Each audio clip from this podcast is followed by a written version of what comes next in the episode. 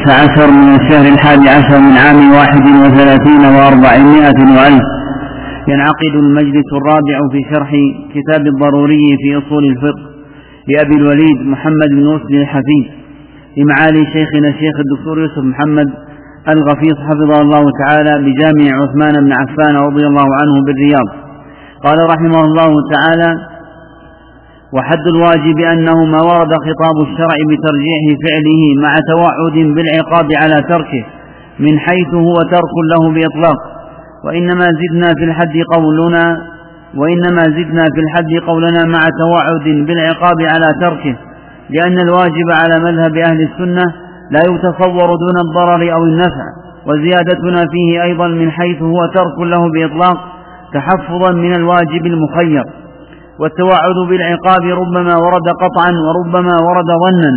وأصحاب أبي حنيفة يخصون الأول باسم الفرض والثاني باسم الواجب. نعم. الحمد لله رب العالمين وصلى الله وسلم على عبده ورسوله نبينا محمد. هذا ذكر لباب الأحكام. وسبق أن المشهور عند النظار أنهم يسمون هذه الأحكام بالأحكام التكليفية الخمسة وسبق الإشارة إلى أن هذا الاسم يرد عليه بعض السؤال. قال وحد الواجب أي ما يتميز أو, أو تبين به ماهية الواجب. باعتبار أن الحد هو إبانة للماهية. قال ما ورد خطاب الشرع بترجيح فعله أي بطلب فعله. بترجيح فعله لا يريد بذلك الترجيح الفعل على الترك على معنى أن الشارع سوغ الأمرين. فإن الذي قد يتبادر من اسم الترجيح أن يقال إنه راجح بمعنى أن كلا الفرضين فيه يكون سائغا وإنما الراجح واحد منهما. هذا ليس مرادا له إنما بترجيح فعله أي بطلب فعله. مقصود أبي الوليد أنه ما ورد خطاب الشرع فيه بترجيح فعله أي بطلب فعله. قال مع توعد بالعقاب على تركه. وهذا هو الذي ميز به الواجب عن المستحب. قال مع توعد أي وعيد من الشريع بالعقاب على تركه. فلا يبين أنه واجب على هذا الحد إلا إذا قارنه هذا الوعيد. لا يبين أنه واجب إلا بمثل هذا الوعيد. فلا يقال عن واجب من الأحكام إلا حيث اتصف بهذه الصفة أنه ما طلبه الشارع على جهة الإلزام وتوعد على تركه. قال من حيث هو ترك له بإطلاق. ثم قال وإنما زدنا في الحج قولنا مع توعد بالعقاب على تركه لأن الواجب على مذهب أهل السنة لا يتصور دون الضرر أو النفع. المراد هنا يشير إلى أن الواجب لا بد أن يكون على هذا المقام فإنه إما أنه يجب لما فيه من تحصيل لما فيه من تحصيل النفع وإما أن يكون واجبا لما في تركه من وقوع الضرر. ولهذا يضطرد فيه أن الله سبحانه وتعالى يتوعد المكلفين على العقاب أو بالعقاب على تركه. لأنه إما أن يحصل به فوات النفع أو وقوع الضرر على هذا التقابل. ثم قال وزيادتنا فيه من حيث هو ترك له بإطلاق تحفظا من الواجب المخير. فإنك تعرف أن الواجب إما أن يكون واجبا عينيا وإما أن يكون واجبا كفائيا. الكفائي فيه وجه من التخيير أو يكون واجبا معينا أو واجبا مخيرا كما في بعض الأحكام التي فيها تخيير. فإنك تقول إن الصيام واجب ولكن في الكفارة فيها تخيير. أو تقول مثلا في كفارة المحظورات في محظورات الإحرام أنها على التخيير إما شاة أو إطعام ستة مساكين فهذا وهذا كلاهما واجب ولكنه واجب مخير. ليس واجبا معينا وحده. نعم. قال رحمه الله وفي الجملة فما يتعلق بحدود هذه الأحكام عبارات الأصوليين متنوعة فيها وما من حد يذكرونه إلا وتجد أنه يوردون عليه بعض الأسئلة. وهذا الحد يورد عليه بعض الأسئلة وإذا حد بطريقة أخرى أورد عليه بعض الأسئلة. ولذلك المقصود من الواجب في الشريعة من حيث هو عند أهل العلم وأهل الفقه وأهل الأصول من حيث هو بين. لكن لما أرادوا حده وتسميته بالحد صار يرد عليهم مثل هذه السؤالات. إنما المقصود تمييز الواجب بأنه ما طلبه الشارع وفيه وعيد وأنه يفارق المستحب من جهة أن المستحب لا وعيد فيه بل هو مخير في أصل التكليف وإن كان الراجح آه، الفعل له. وإن كان الراجح فعله لا على سبيل الإلزام. نعم. قال رحمه الله تعالى والتوعد بالعقاب ربما ورد قطعا وربما ورد ظنا. وأصحاب أبي حنيفة يخصون الأول باسم الفرض قال والتوعد بالعقاب. قال والتوعد بالعقاب ربما ورد قطعا وربما ورد ظنا. نعم. وأصحاب أبي حنيفة يخصون الأول باسم الفرض والثاني باسم الواجب. يعني إذا كان الشارع توعد بالعقاب على تركه على سبيل القطع أي ثبت ذلك بدليل ودلالة قطعية سمي ذلك فرضا عند أصحاب أبي حنيفة. وإن كان الدليل المقتضي للوعيد ظني إما في ثبوته أو دلالته سمي إيش؟ سمي واجبا. هذا تفريق من أصحاب أبي حنيفة ليبينوا مراتب طلب الشريعة ليبينوا مراتب طلب الشريعة. فميزوا هذا بالفرض وميزوا هذا بالواجب. فما كان أعلى في الثبوت والدلالة سموه فرضا وما كان دون ذلك سموه واجبا. وهذا المعنى من حيث هو متفق على إثباته بين سائر أهل العلم. متفق على إثباته بين سائر أهل العلم أي أن الواجب منه ما هو قطعي الوجوب ومنه ما هو ظني الوجوب فإنك تقول إن الصلوات الخمس وجوبها قطعي. ولكن إذا ذكرت بعض الواجبات التي هي دون ذلك مما اختلف فيه الفقهاء فسماهم أو سماه بعضهم بالوجوب قلت هذا من الواجب الظني. فإنك تقول تجب الزكاة في حلي النساء المعد للاستعمال. هذا واجب ظني. لكنك إذا قلت تجب الزكاة في الذهب والفضة باعتبارها أثمانا هذا واجب قطعي.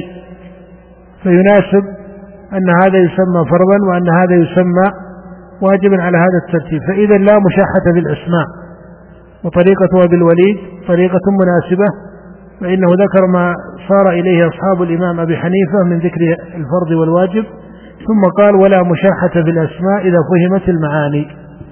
وإلا فاختلاف المراتب هذا أمر مجمع عليه. نعم. الله عليه قال رحمه الله تعالى ولا مشاحة في الأسماء إذا فهمت ولهذا الحنفية مثلا يجعلون الصلاة فرضا والوتر واجب عندهم أليس كذلك؟ خلافا للجمهور أنه مستحب يسمونه واجبا لا يسمونه فرضا. لما؟ قالوا لأن الصلاة مثلا في أصلها الفريضة ثبتت بدليل قطعي وأما الوتر فإنه ثبت بدليل ظني. نعم. الله عليكم قال رحمه الله تعالى وحد الندب أنه المرجح فعله من غير وإن كان هذا عند التحقيق لا يختص به أصحاب أبي حنيفة. لا يختص به أصحاب أبي حنيفة.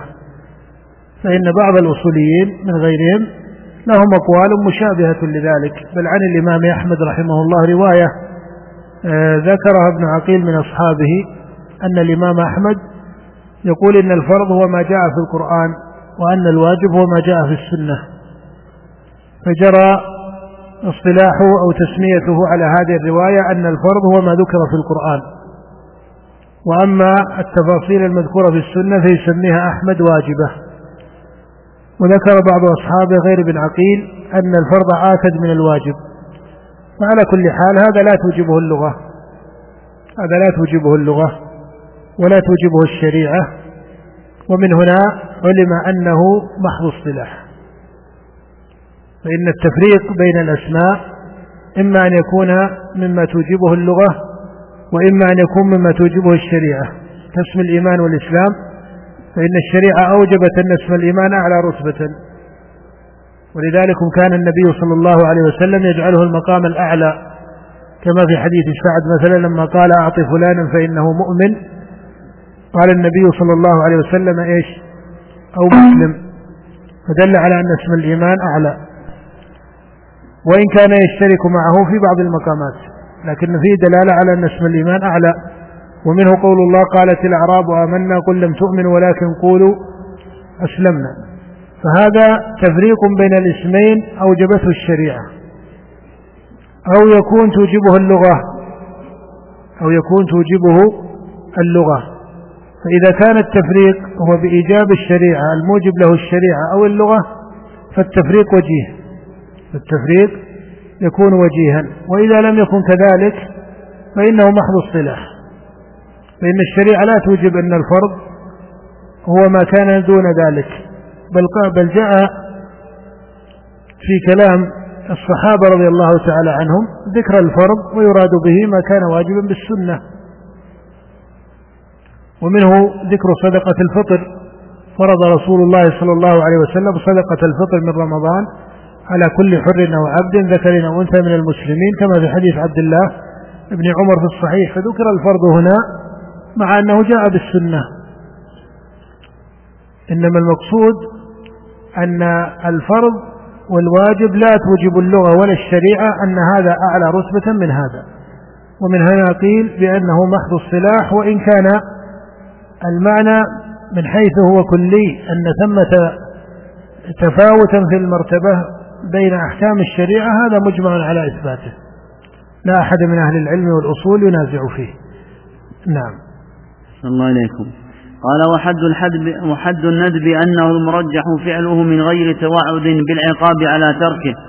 ومن حد الواجب نقف على حد المحظور لأنه مقابل. نقول إن الخلاف في المسألة بين الحنفية حقيقة وبين غيرهم. بعض أهل العلم يقول إنه لفظي وهذه طريقة أبي حامد. وجماعة من أهل الأصول وهي التي يشير إليها أبو الوليد في مختصره هذا أنه خلاف لفظي. وبعضهم قال إنه خلاف له ثمرة ومنهم من يعود بهذه الثمرة كبعض الحنابلة. لما ذكروا الثمرة كالبعل من الحنابلة قال إن له ثمرة ثم يعود بالثمرة إلى معنى في حقيقته ليس ليس يعني ليس مبنيا على الانفكاك عن المعنى الأول الذي قاله الغزالي. فيقولون إنه يثاب على الفرض أكثر مما يثاب على الواجب. وهذا لا أحد ينكره. حتى أبو حامد لما قال إن النزاع لفظي ما أراد إنكار هذا. فإن العبد يثاب على آه، فعل الصلاة الفريضة أعظم مما يثاب على فعل بعض الواجبات التي دون الصلاة. فإن الفرائض مقامات كما تعلم وأعظمها من العبادات العملية الصلاة. فيثاب على الصلاة ما لا يثاب على ما دونه من العمل حتى لو كان واجبا. هذا لا أحد ينكره وليس من قال بأنه من الخلاف اللفظي لا يريدون بذلك نفي هذا المعنى. بعض أهل العلم يقول إن له ثمرة لها تحقيق يرتبونها عند بعض الحنفية فيما يتعلق بالمؤاخذة في أحكام الدنيا. بالمؤاخذة في أحكام الدنيا هذا معنى يحتاج إلى آه، تأمل في كتب الحنفية على كل حال. نعم. قال وحد الندب أنه المرجح فعله من غير توعد بالعقاب على تركه. نعم التزم أبو الوليد أن آه، استعمال كلمة الترجيح.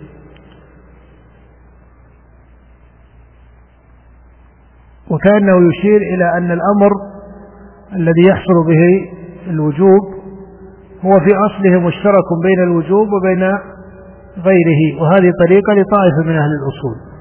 أنهم يجعلون صيغ الأمر مشتركة بين الوجوب والندب والإباحة لكن يجعلونه راجحا في الوجوب على هذا الترتيب الذي يشير إليه. ويكون المعين لكونه واجبا هو التوعد بالعقاب على تركه. والمعين لكونه مندوبا هو أن يكون فيه ترجيح ولكن دون التوعد قال من غير توعد بالعقاب على تركه. هذا حد الندب. نعم. قال ومن حد الواجب نقف على حد المحظور لأنه مقابله وكذلك من حد الندب نقف على حد المكروه وحد المباح ما نعم. أي أن حد المحظور حد المحظور ما ترجح إيش؟ تركه مع عقاب أو توعد بالعقاب على على فعله. ويكون المكروه ما ترجح إيش؟ ما ترجح تركه كذلك من غير توعد بالعقاب على فعله. فهذه طريقة واحدة وتجد أن الحد في هذه الأربعة الواجب والندب أو الوجوب والندب والتحريم والكراهة دارت على هذه الصفة. نعم. الله. قال وحد المباح ما دل الشرع على التسوية بين فعله وتركه. مسألة التوعد بالعقاب كما تعرفون للنظار فيها أوجه مختلفة من حيث حقيقة هذا الوعيد. من حيث حقيقة هذا الوعيد. فعلى طريقة نظار المعتزلة يقولون من وافى ربه بفعل المحرم أو ترك الواجب فإنه يعاقب. فإنه يعاقب ولا بد. وعند متكلمة الأشعرية كثير منهم على طريقة المرجئة الواقفة وهي آخر القولين عند أبي الحسن الأشعري. أنهم يجعلون ذلك على سبيل المشيئة المطلقة. على سبيل المشيئة المطلقة من غير جزم بمعنى يختص بأهل الوعيد. وهذه الطريقة ليست هي الطريقة أو ليست موافقة آه، بتمام آه، أو ليست موافقة لتمام طريقة أئمة السنة والحديث المتقدمين. وإن كانت تشترك معها خلافا لطريقة المعتزلة فإن فيها إثباتا لجملة جاءت بها النصوص وهي المشيئة التي ذكرها الله بقوله ويغفر ما دون ذلك لمن يشاء. لكن الوقف ومن هنا سم المرجع الواقفة إنما كان باعتبار عدم الجزم بوقوع وعيد على أهل الكبائر في الآخرة.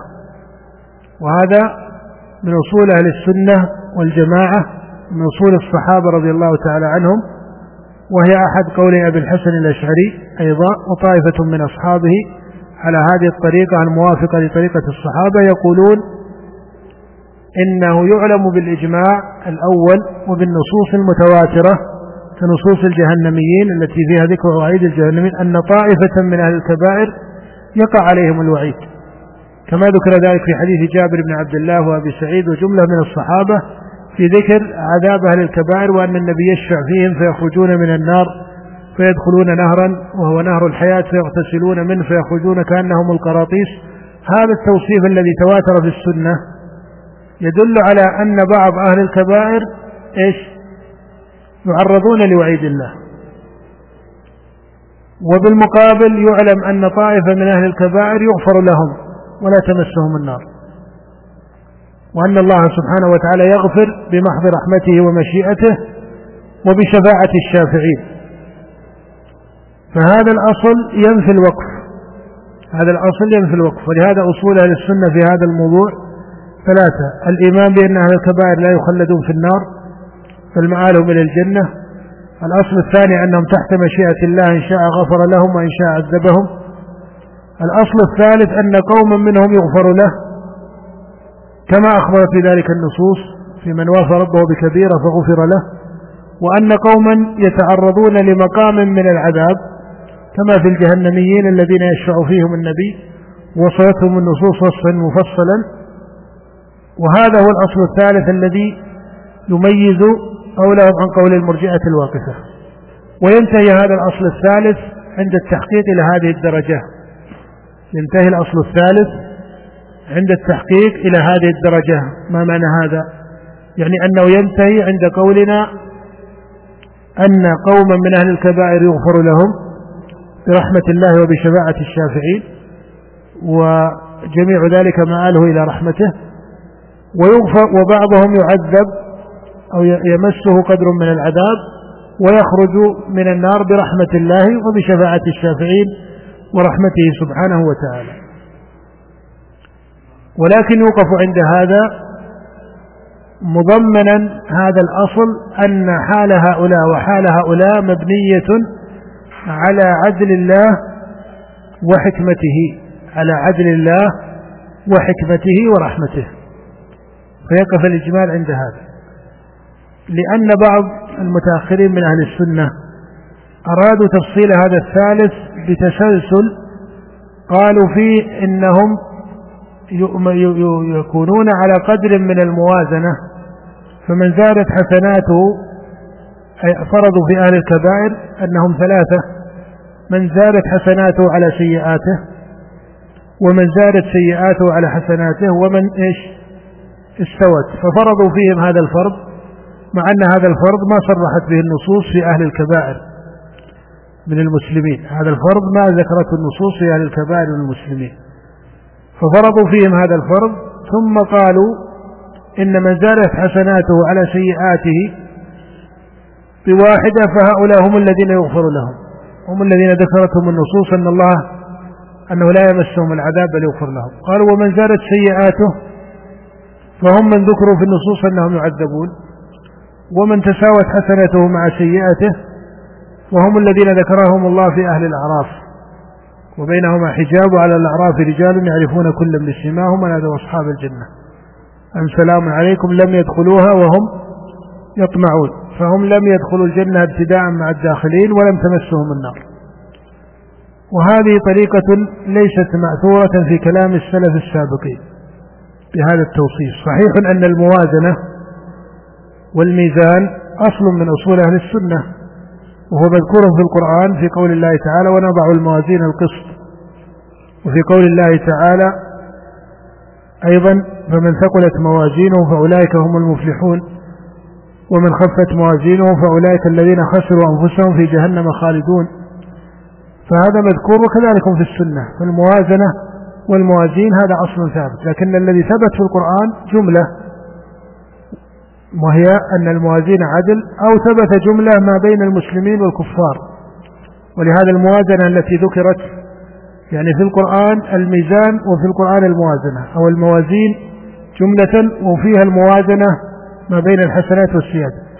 الموازين المجملة هي ما ذكرت مميزة إلا بمقام واحد وهو العدل. قال الله تعالى ونضع الموازين القسط. ليوم القيامة فلا تظلم نفس شيئا. ولهذا القسط إعرابها إيش؟ القسط إعرابها ونضع الموازين القسط. ما إعرابها؟ الصفة. والأصل في اللغة أو في النحو أنهم يقولون الصفة توافق الموصوف هنا وافقت الموصوف ولم توافق. لا ما وافقت الموصوف. أقل شيء أن هذا جمع وهذا مفرد. ليس كذلك؟ والسبب يعود يعود إلى كونها إيش؟ كون الصفة مصدرا. إذا كانت الصفة مصدرا فإنه يلزم حالا واحدة الإفراد والتذكير. إذا كانت الصفة مصدرا لزمت حالا واحدة كونها مفردا مذكرا. نعم. قال ابن قال ابن مالك في الألفية ونعتوا بمصدر كثيرا.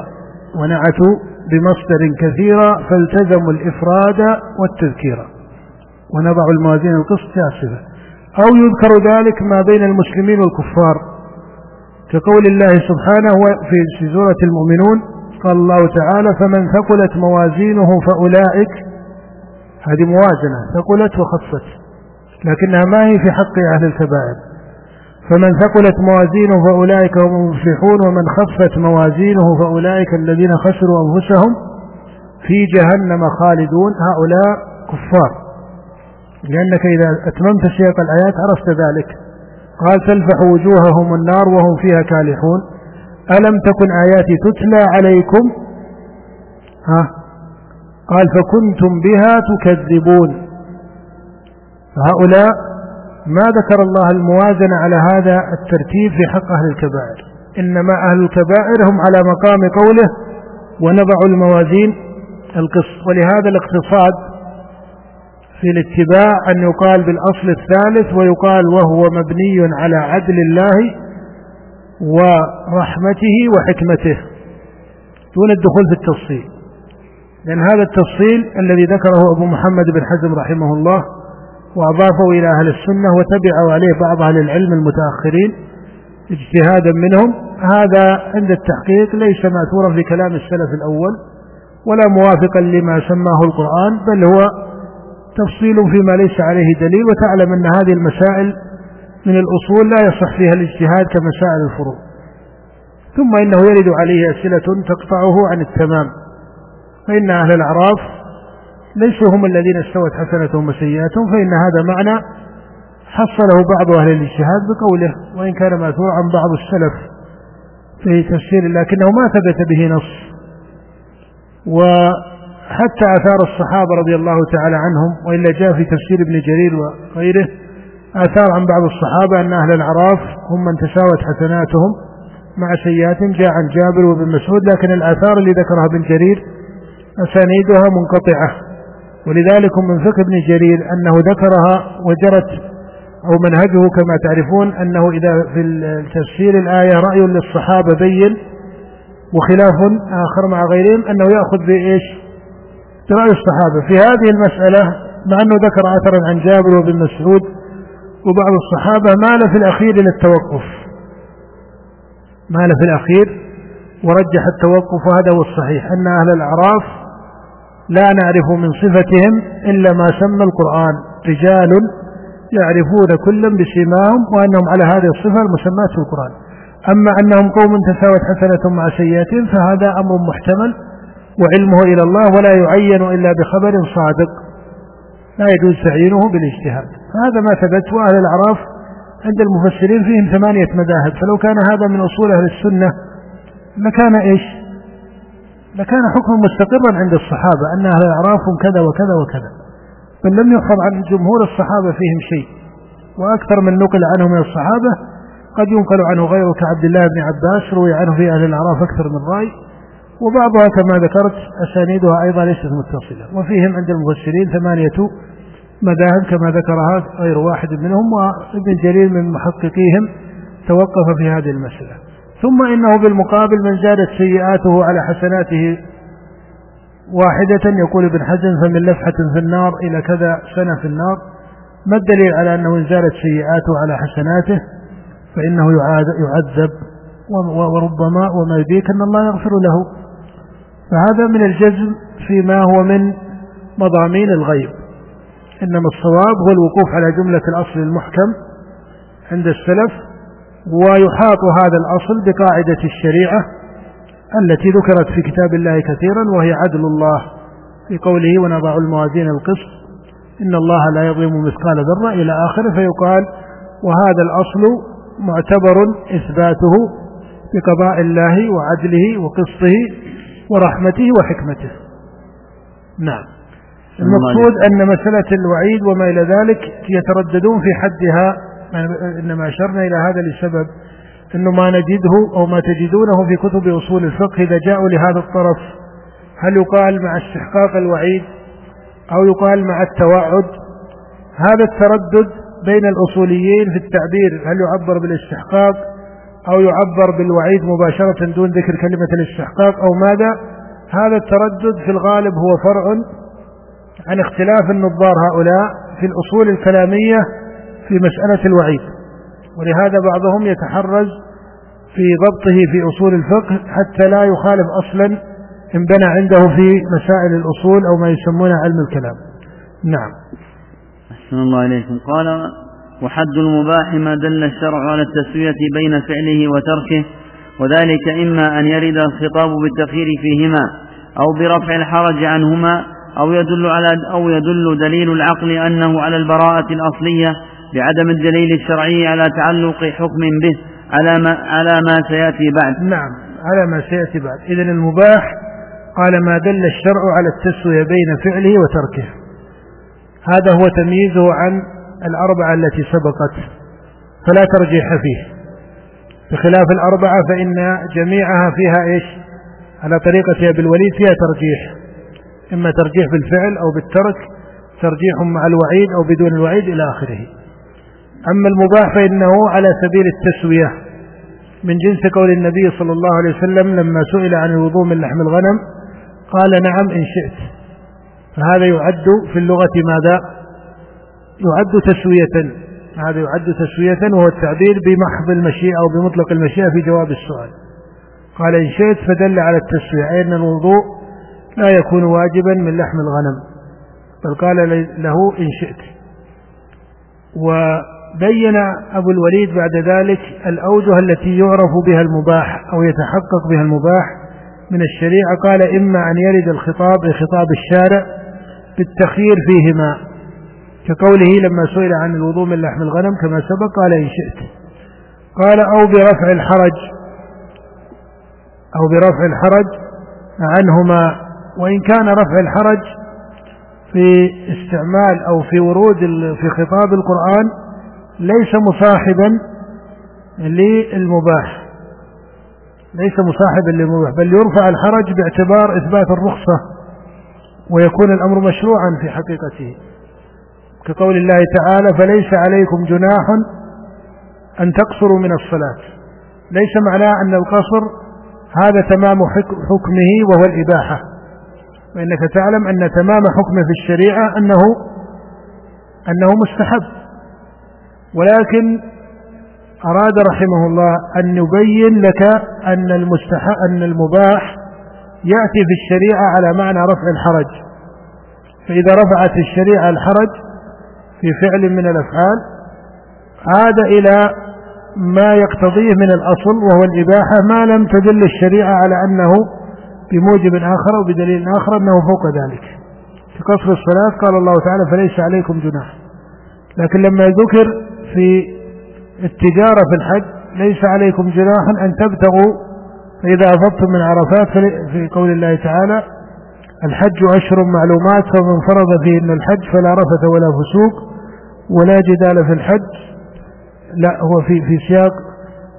فليس عليكم جناح أن تبتغوا فضلا من ربكم. هذا نفي الحرج على معنى الإباحة لا على معنى التشريع للتجارة.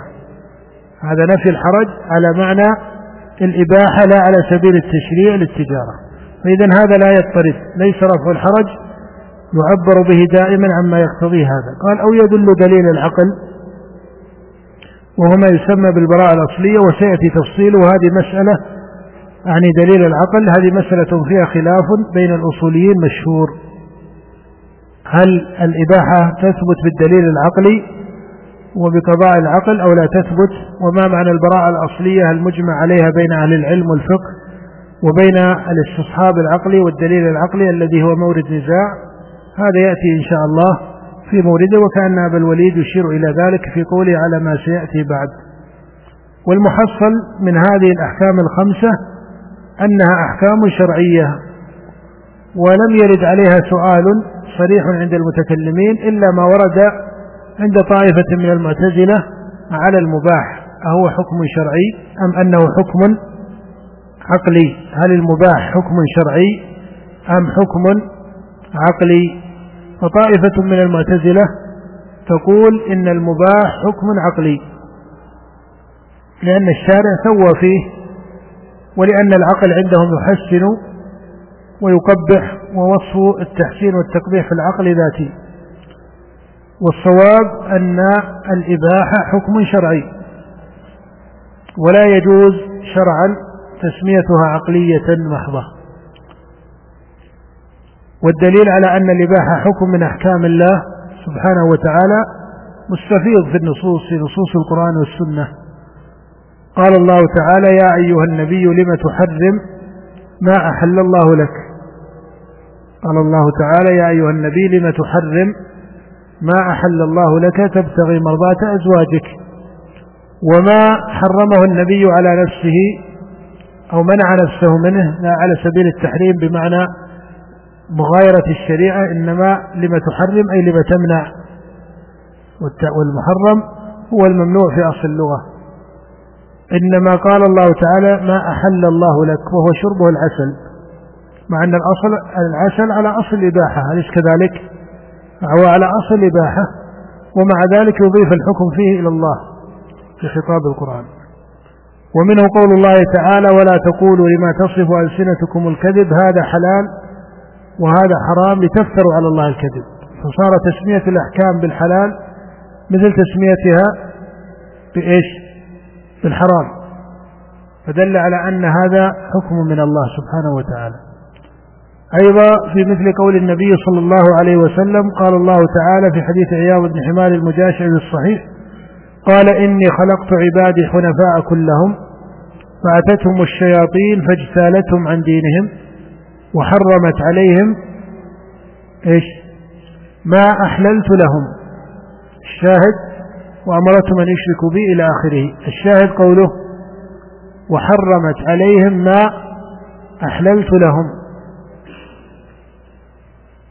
فالمقصود أن الإباحة حكم شرعي من الأحكام التي شرعها الله فالشريعة هي التي تعين المباح سواء كان هذا التعيين أو, أو, أو الشريعة هي التي تسمي هذا الحكم سواء كانت تسمية هذا الحكم بالتعيين أو بوجه كلي.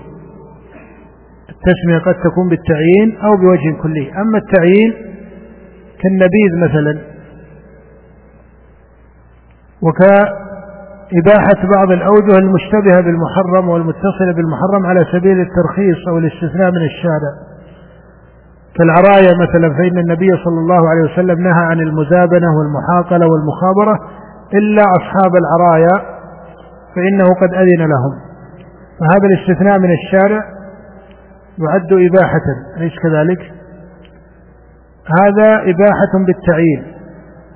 ولهذا إذا أباح الشارع بالتعيين على سبيل الاستثناء فهل يقاس عليه أو لا يقاس عليه؟ هذا مورد خلاف بين أهل الأصول والفقه. من الفقهاء والأصوليين من يقولون إنه يقاس عليه. والقول الثاني أن هذا لا يصح القياس عليه. أن هذا لا يصح القياس ما وهو الصحيح؟ ولهذا ما قضى به النبي صلى الله عليه وسلم في أهل العرايا لا يصح القياس عليه فيما يظن أنه نظير له على طريقة القياس وإلحاق الفرع بالأصل إلى آخره للعلة إلى آخره. بل يكون هذا من باب الاستثناء من الشارع. فلا يقاس عليه. بخلاف ما يذكره النبي عليه الصلاة والسلام لا على جهة الاستثناء وإنما على جهة التنبيه لفهم خطابه. فهذا يستعمل ويقاس عليه. إنه ما وقع من الشارع استثناء كالعرايا وإنما وقع تنبيها على فهم خطابه. مثل ماذا؟ مثل ما جاء في قصة بلال في بيع التمر لما قال النبي صلى الله عليه وسلم عين الربا لما اشترى الصاع بالصاعين من الجمع فقال النبي أو عين الربا ولكن بع هذا واشتر بثمنه من هذا. فهذا الإرشاد الثاني لا يقال إنه خاص به أو لا يقاس عليه. لأن حقيقته ليس استثناء في حكم ليس حكما جديدا. ما زال الربا حكمه باق على أصله لكن هذا التنبيه النبوي ليس استثناء من عقد الربا إنما هو تنبيه على الأوجه الواسعة لتطبيق البيع المباح.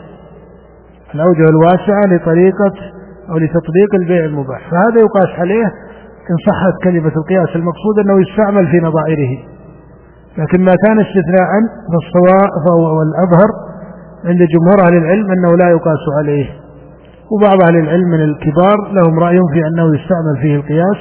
على كل حال هذا مورد خلاف. المهم أو المقصود أن المباح حكم شرعي خلافا لبعض المتكلمين من المعتزلة ومن وافقهم. والدليل على كونه حكما شرعيا هو نصوص القرآن والسنة التي سبقت. والشريعة تذكر تسمي المباح إما بالتعيين كما ذكرنا في العرايا أو تسمي المباح بالقواعد والأصول المستصحبة التي هي قضاء من الشارع. وهو ما يسمونه في بعض طرق أهل النظر في أصول الفقه بالاستصحاب العقلي. والحقيقة أن الذي قضى به الشارع لما جعل الأصل في حق المكلفين الأصل في الأعيان الحل لهم والأصل في الأموال الحل لهم هذا قضاء من الله. ولذلك قال الله تعالى في حديث عياض بن حمار أيضا قال كل مال نحلته عبدا حلال. كل مال في حديث عياض بن حمار المجاشعي الذي رواه مسلم في صحيحه وغيره قال الله تعالى كل مال نحلته عبدا حلال وإني خلقت عبادي إلى آخره. فهذا حكم من أحكام الله سبحانه وتعالى وهو الكلي.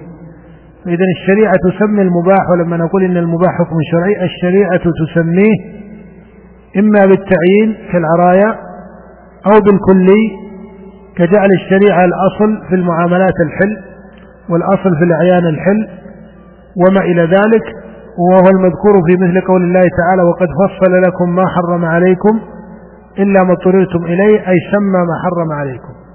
فما لم يسمه الله لا يكون محرما.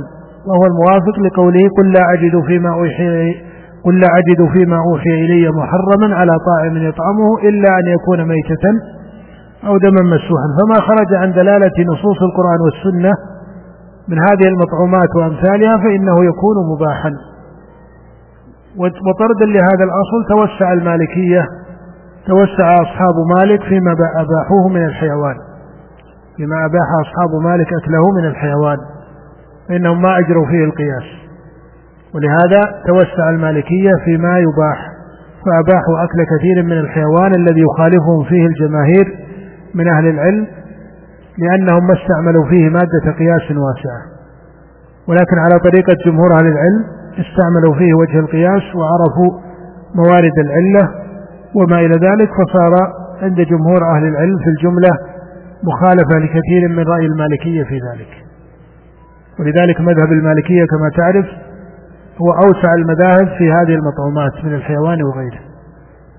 وهم في الأشربة مذهبهم يميل إلى الإغلاق على عكس أهل الكوفة في الأشربة يميلون إلى الإطلاق وفي الأطعمة يميلون إلى قدر من الإغلاق.